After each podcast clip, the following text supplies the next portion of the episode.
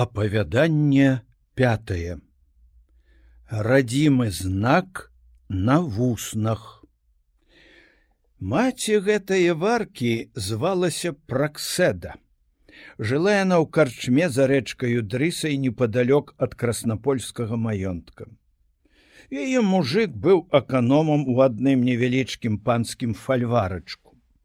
Жыла пракседа няблага.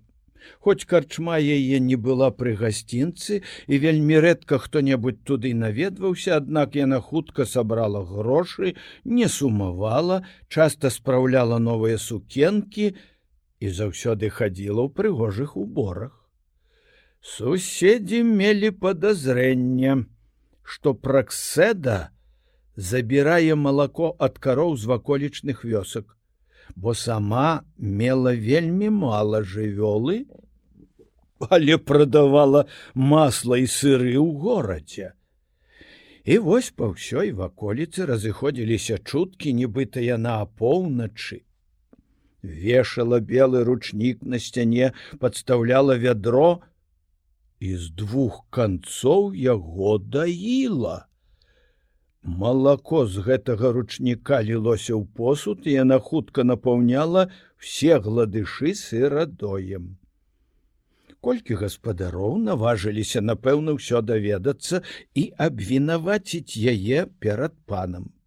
Дык яны запраглі ўвечары коня, едуць туды, мяркуючы, што зловяць пракседу на гарачым, бо карчма была ад іх вёсткі, ад іх вёскі вёрст за шесть. Але што за праява? Хоць дарогу ведалі так, што здавалася кожны, заплюшчыўшы вочы дайшоў бы, блукалі да світання, не разумеючы, у які бок іх занесла. Як развіднела, убачылі, што ўсю ноч кружылі вакол карчмы, але знайсці яе не маглі змардаваўшы коня і не выспаўшыся самі павярнулі да хаты. Пасля бо ад свайго так і не адступіліся дамовіліся прыехаць да пракседы перад захадам сонца купілі ў карчме гарэлкі бавіліся нейкі час пры кілішку і нібыта ўжо моцна п'яныя палеглі спаць на лавах Аднак кожны пазіраў з-пад рукі, што карчмарка будзе чыніць апоўначы. Патушылі агонь, але поўнае цемры ў карчме не было, бо ў самае в акно глядзела поўня. Ім здавалася, што прайшло ўжо шмат часу. І пачуўшы голас пеўня ў стадоле вырашылі, поўнач ужо мінулася, дарэмна чакалі. Адзін падняўся, выйшаў за дзверы, і дзіўнае бачыць. Велізарны певень на высокіх, як ужорава нагах у нямецкай вопратцы і капелюшы, пяе седзячы на драбінах. Спалоханы селянін вяртаецца ў карчму і апавядае пра ўсё гэта сваім таварышам. Яны запалілі святло, выйшлі, жагнаючыся з карчмы, запраглі каня і заспяшаліся дамоў ля свае вёскі сустрэлі парабкаў, якія толькі што павячэраўшы ішлі ў поле пасвіць коні ўночы. Начлежнікі, паказваючы чырвоныя воблакі на захадзе, сказалі ім, што да поўначы яшчэ далёка. Хоць не ўдалося і другі разлавіць пракседу, як яна адбірае малако ў суседскіх кароў, але пайшлі да пана і распавялі пра ўсё, што з імі здарылася. І пра шатана, які спяваў седзячы на драбінах як певень.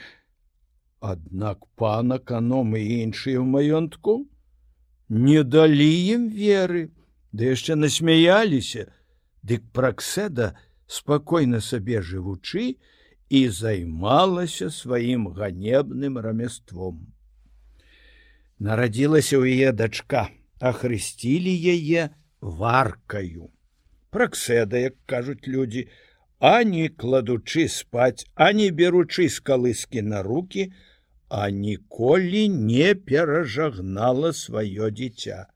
А яшчэ пра што без страху і прыпомніць нельга.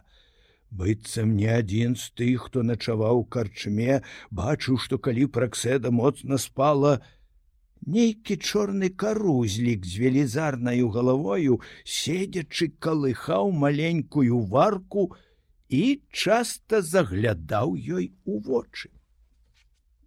Расла дзяўчына, і ад году да году станавілася прыгажэйшая, мела яна на вуснах радзімы знак але гэта як усе маладыя панічы казалі не толькі не псуе яе а наадварот надае прывабнасці.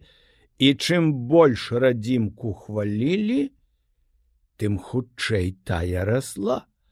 Ды так што ўжо матку папярэджвалі а ці не сапсуе на твар дзяўчыне Але пракседа не ўважала на гэта і той радзімы знак давёў маладзёнаў да няшчасця. Калі было ўжо варцы 16 гадоў, праязджаў конна ўначы праз іхнія мясціны нейкі малады паніч. Ніхто не ведаў, хто ён быў і адкуль казалі, што твар яго заўсёды быў бледны, нос востры, доўгі валасы, як шчацінне чорныя, і бы крумкачовыя пёры. Погляд такі калючы, што цяжка вытрымаць, гледзячы яму ў вочы. Спадабалася яму варка. Дык ён часта завітваў гэтую карчму, а пракседа цешылася і мела надзею выдаць сваю дачку за шляхціца. Праз нейкі час радзімка на вуснах у варкі яшчэ хутчэй пачала расці, а людзі ў вёсцы шапталіся між сабою, што мусіць той заезджы паніч яе пацалаваў. Васямнаццацігадовую варку радзімка на вуснах хоць была ўжо і вялікая, яшчэ не псавала, яшчэ падабалася дваровым хлопцам, Яна любіла, каб яе акружаў гурт залётнікаў, але ўсімі яна пагарджала, бо маці пераконвала дзяўчыну, што яна выйдзе замуж лепей, чым якая шляхцянка. Раскажу пану, што з гэтага аднаго разу атрымалася. Кахаў варку адзін малады чалавек, які служыў у пана лёкаем і лоўчым звалі яго міхась. Ён пачуў, што нібыта дудар ахрэм строіць кпіны з яго каханая. Расказваў усім, што варку злы дух пацалаваў, бо яна ніколі не жагналася, а таму і той знак на вуснах гэтак вырас. Абразілі лоўчага такія размовы, што зневажалі гонар каханая, і пачаў ён шукаць нагоды, каб адпомсціць ахрэму і гэтым заслужыць у маці ў дачкі прыхільнасць. У нядзелю сабралася моладзь у пракседзенай карчме, між імі некалькі лёкаяў і лоўчы прыйшоў з маёнтка. Адны паглядалі на дачку карчмаркі, захапляючыся яе хараством іншыя, шапталіся між сабой і здзекліва называлі паненкаю. З'явіўся дудар ахрэм. Вітаюць яго садзяць на лаве, частуюць гарэлкаю. Ён у добрым настрою пачынае граць і спяваць. Было там колькі маладых дзяўчат суседняй вёскі, дык іх і варку хлопцы запрашаюць у скокі. Сярод гэтае вясёлыя забавы гаршчок, што стаяў высока на печы без дай прычыны упаў сярод карчмы і разбіўся. Свісталі нібыта нехта дзьму у рыльца пустыя бутэлькі на стале, і ў кожным кутку што-небудзь падала на зямлю. Ад вашых скокаў вся карчма трасецца, бурчала пракседа, збіраючы на падлозе розныя драбніцы, якія пазляталі з шафы. Тут знячэўку велізарны кот, саскочыў з печы надол, убачылі гэта ўсе пакінулі скакаць, а кот вокам гненна знік.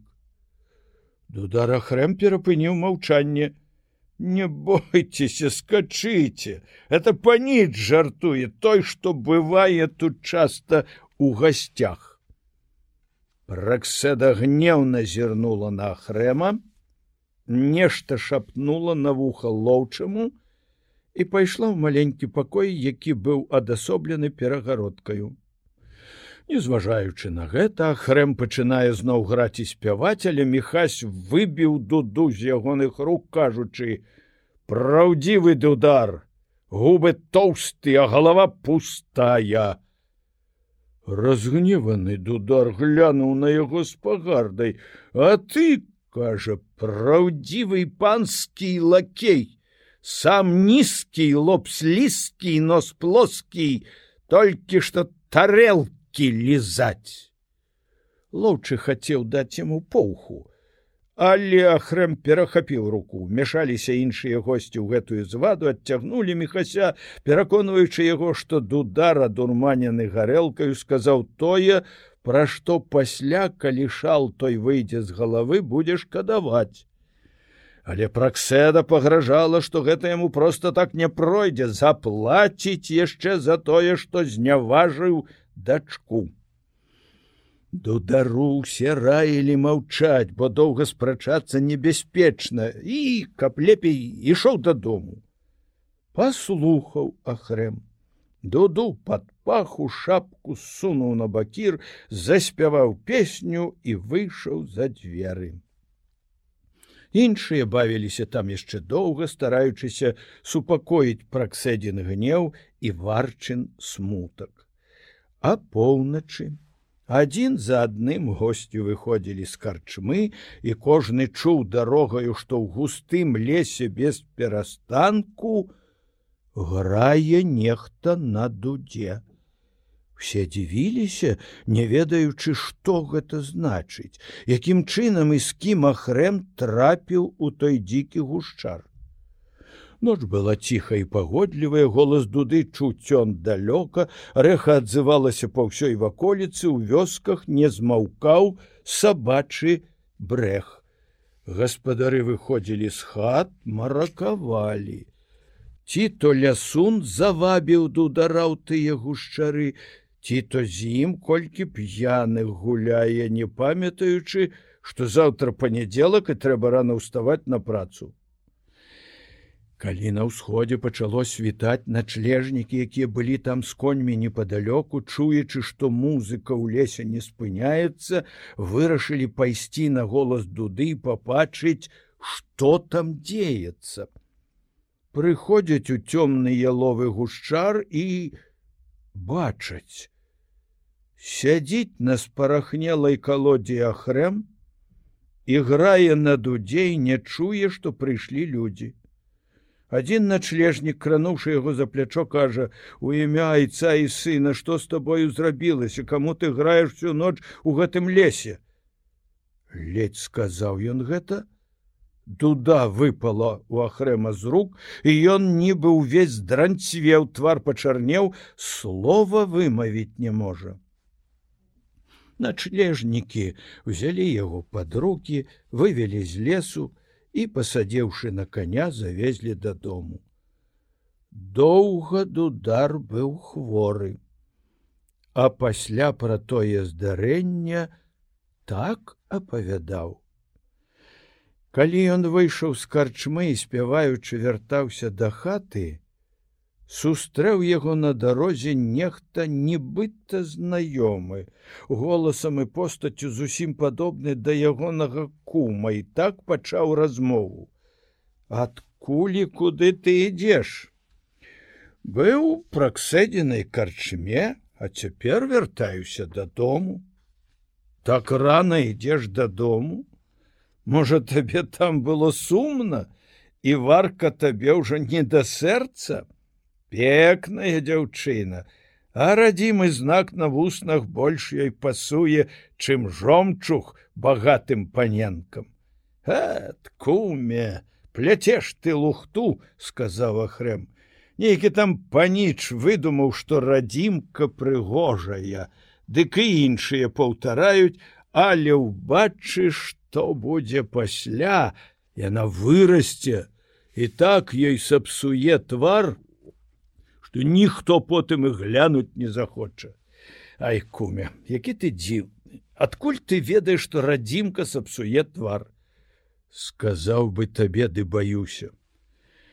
Лоўчы мехай, што кахае яе шалёны чалавек, хацеў мяне біць за праўду. І пракседа так наляцела, што мусіў уцякаць з карчмы. Якую ж ты ім праўду сказаў.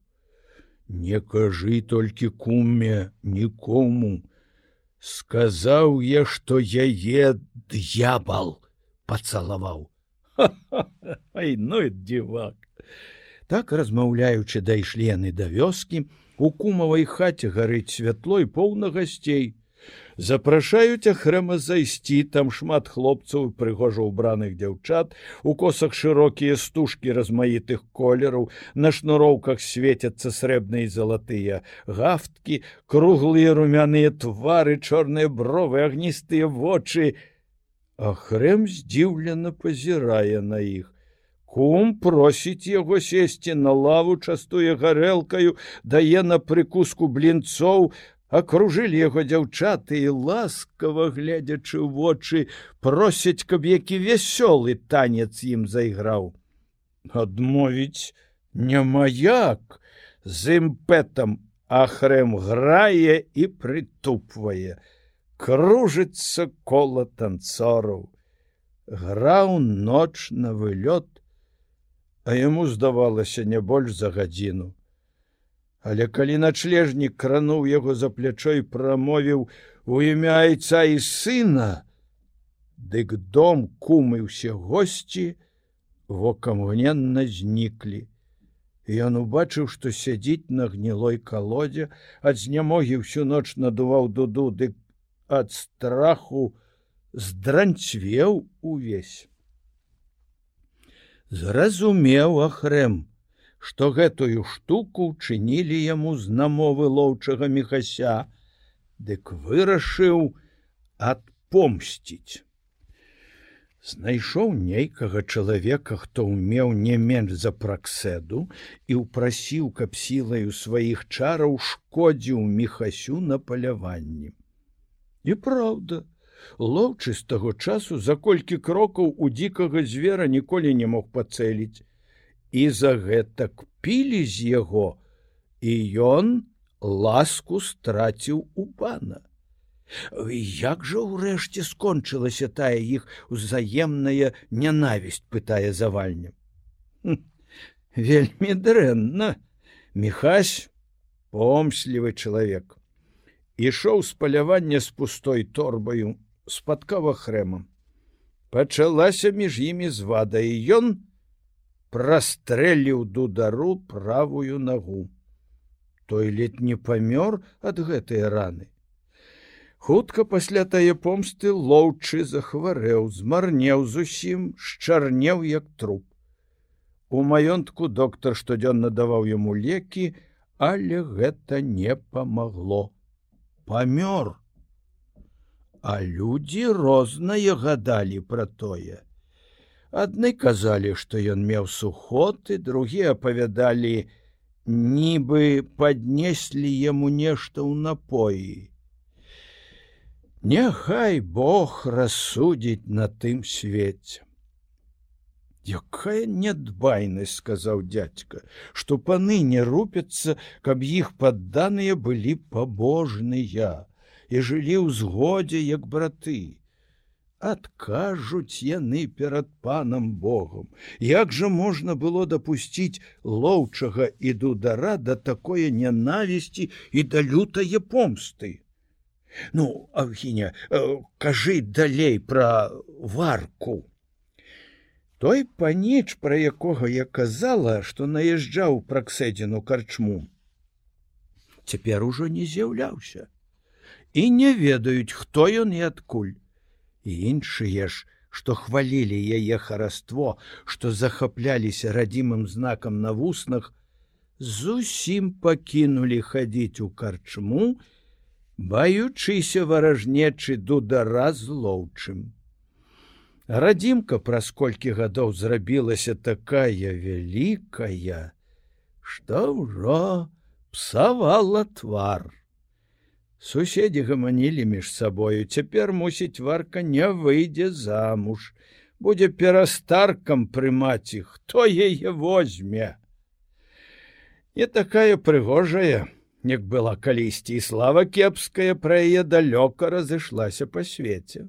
Пры самой варцы, насміхаючыся з яе паўтаралі: Чакай, паненка шляхціца, прыедзе ў шыкоўным экіпажы да цябе сваты.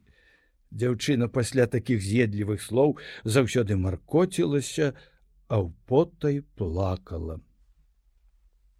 Аднойчы ўзімку, полацкаму мешчаніну Якубу плаксуну, багатаму чалавеку, можа пан і ведае яго драўляны дом ля самае палаты, дзе мураваны слуп са стодам святого Яна, што ездзіў па вёсках скупляў лён, надарылася быць у тым краі, дзе жыла пракседа і наколькі дзён спыніцца ў яе ў карчме.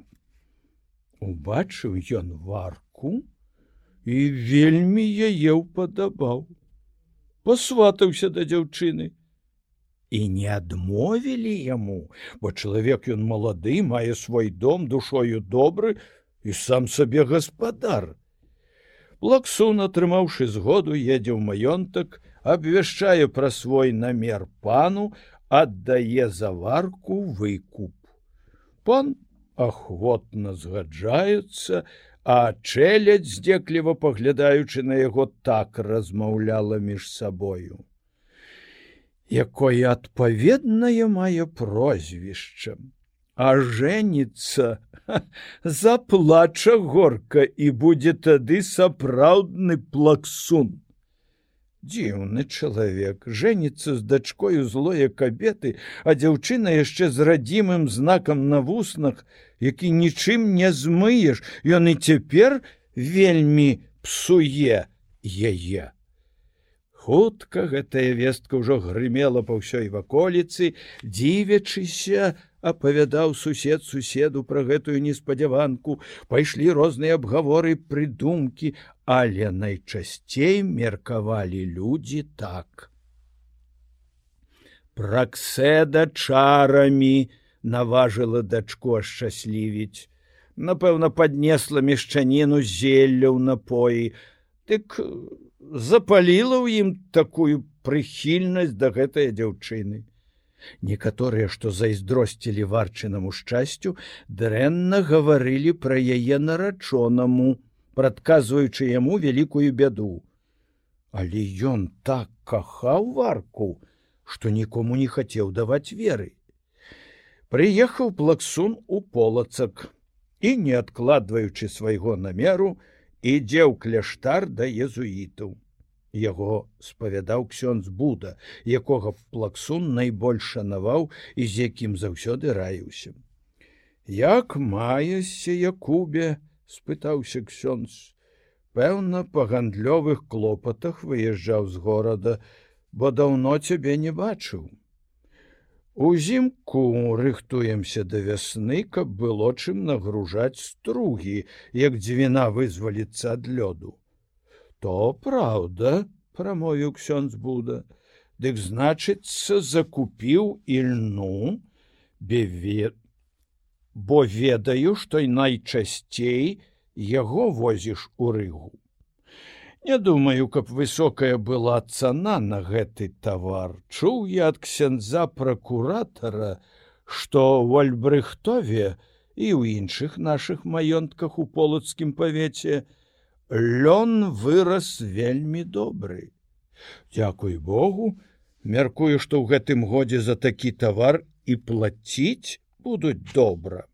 Але от э, яшчэ мушу ойча паведаміць. Шукаючы тавару, знайшоў і жонку, купіў і тое і другое. Віншую, дык ты ўжо жанаты не дабрадзею толькі заручаны яна прыгонная і я заплаціў грошы каб выкупіць яе. Вельмі падабаецца мне гэтая дзяўчына. Спакойны лагодны характар мае. Шчыра віншую кажа ксёнз спакойны і лагодны характар гэта добрая якасць у кабеты а што была прыгонная дык гэта ні ёй ні табе ніякае ганьбы не робіць невысокае нараджэнне павялічвае шляхетнасць чалавека а сумленнае і цнатлівае жыццё Мушу прызнацца, ойча сказаў плаксун, засмучае мяне, што шмат у яе непрыяцеляў. Бог ведае, чаму кажуць, нібыта яе маці чараўніца, і дачка таксама што раз болей са злым духам знаецца. Ці можна ойча, верыць гэтай лухце. Э, я ў карчме ў яе маці пракседы жыў цэлы тыдзень і нічого такога не заўважыў. То праўда, сказаў ксён, што людзі грэшнікаў прагнуць забіваць камянямі, забываючы, што сказаў Христос. Няхай кіне камень той, хто без граху. Але нельга і людзям пярэчыць, што няма чараў на свеце. Аднак таму, хто просіць Бога, няма чаго баяцца.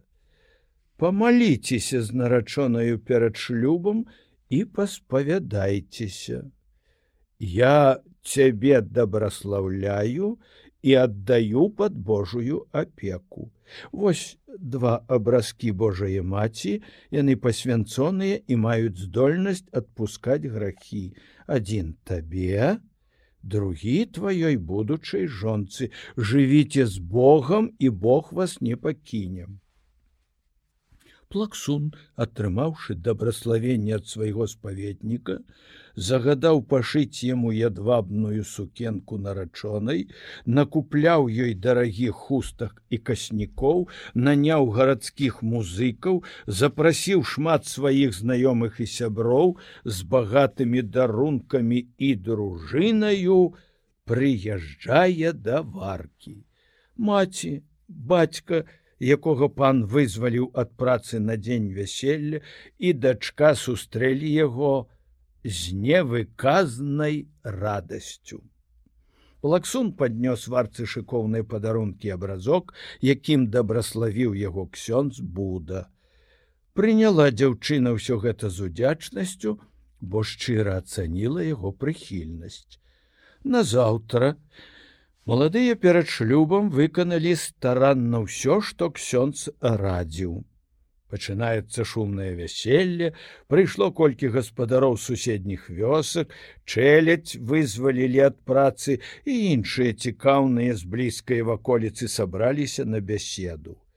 Все задумліва пазіралі на варку, багата ўбраная, прыгожы твар, а радзімы знак на вуснах зрабіўся такі маленькі, што ледзь яго ўбачыць можна. Зайграла музыка, моладзь скача, п'юць віно за здароўе маладых, зычаць ім багацця, шчасця і доўгага веку, не спынялася вясёлая забава да позняй парын.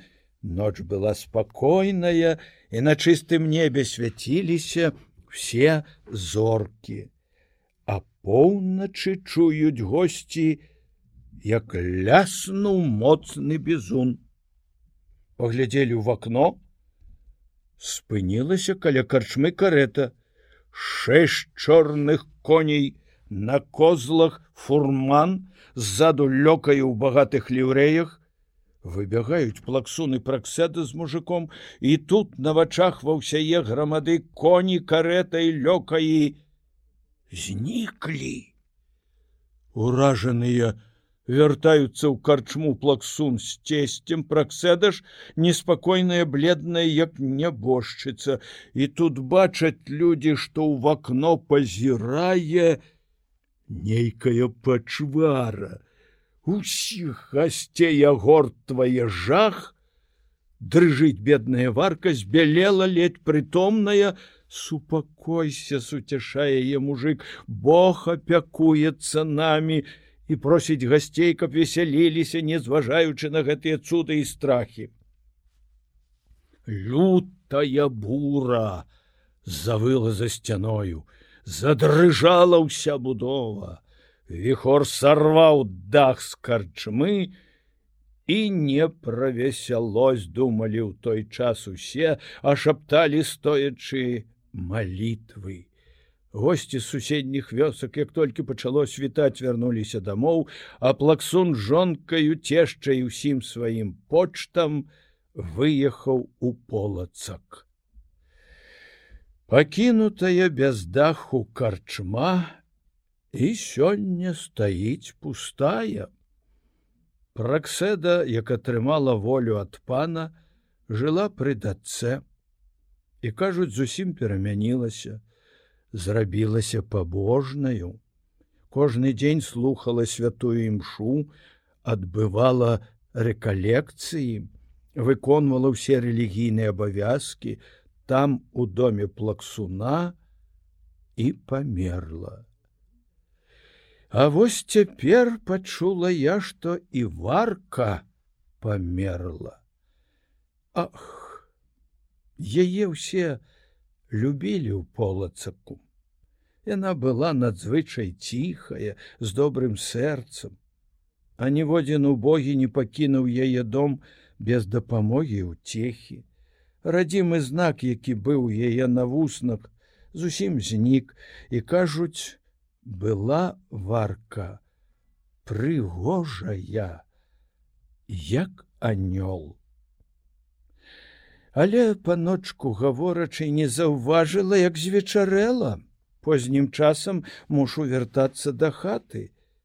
Цяпер вечар ціхі ясны няма чаго баяцца сказаў завальня. Ды і да хаты не будзе больш за вярсту. Маю я просьбу. Пан э, людям дапамагае дык мусіць і мне сёння не адмовіць блізкім дапамагаць абавязак чалавека але толькі тады калі ён мае магчымасць. Хутка каляды.